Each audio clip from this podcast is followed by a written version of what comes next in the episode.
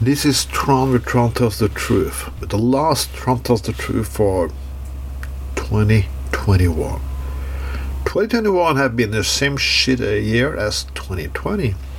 And as we end this fucking month of December, I can just say, fuck it. Because it looks like 2022 is gonna be the same. Yeah, I know we have no restriction in the United States, but here in Norway, things have been closing down again, and parts of Europe is also closing down.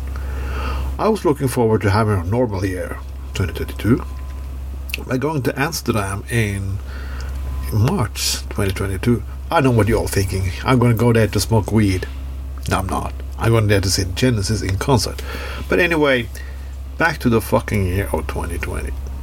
It was 21. For us in the Green Party of Norway, it was a disappointment.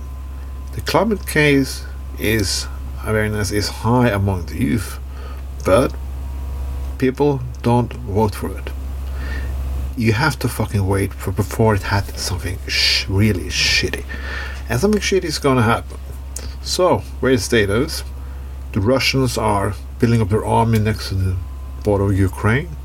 China's not pissed. The Americans are pissed, and it's more fucking weapons and uh, nuclear arms than ever.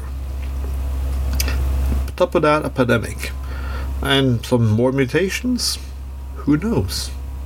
What is 2022 is bringing us? I don't know.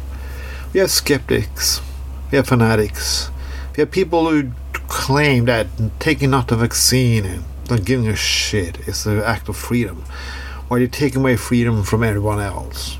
Yes, logic and arguments and science doesn't matter anymore. 2021 was the death of science. You can put all the scientific evidence you want on the table, but people just giving money to crooks, religious leaders, who can do illegally tax fraud by not paying a fucking dime to anything. Yes, the big fucking mega church assholes, I'm not gonna mention names, but you know who I'm fucking talking about, who wants to stay about defending American values while they're not fucking one cent on what they earn goes to exactly the same state they want to defend their religious values or their con because people who use megachurches to give tons of money and be millionaires are con artists. I can say that. I'm sitting in Norway and I don't give a fuck. You are con artist. And this 2021 was still the year of those con artists. We don't give money to science. We don't give money to poor children or environment. We give people money to con artists because a lot of people are stupid. If you give money to a person like that, you're a fucking moron and you deserve no respect. Conservatives didn't used to be that way. No, they didn't. Liberals don't used to be so fucking cowards as they are now, but they are. And the people who don't give a fuck, they still don't give a fuck and say it doesn't matter. But it does. I don't look very bright on 2022. I have some hopes. But sometimes maybe you need a purge. Maybe you need a pandemic. Maybe you need some plague. Maybe you need a fucking war. Or something catastrophe that maybe like 20, 50, 100, 1 billion people dies or something to people learn. I don't hope for it. But I don't think people will learn before things like that happen.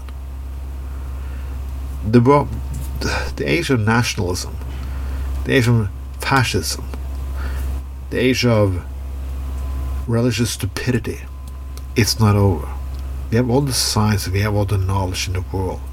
We have enough goods in the world. We have enough money in the world. We have everything in this world to make it a better place. We just don't want to. Because we think giving a top percent people or people more than they ever fucking can use in a millennium is defending so-called freedoms. Well, people, it's one reason why we call it the one percent, because nine or ninety percent of you will never be part of it. Never.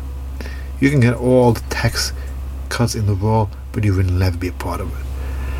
2022, I have no hopes for. I hope I can start 2022 with a first segment and some good news. But I don't think so. I, again, gonna keep on doing this as I've done since 2016, giving you fucking good messages every fucking week. And our new podcast with longer segments and interviews every month. So listen back. This was Tron. End of the year. Happy fucking New Year.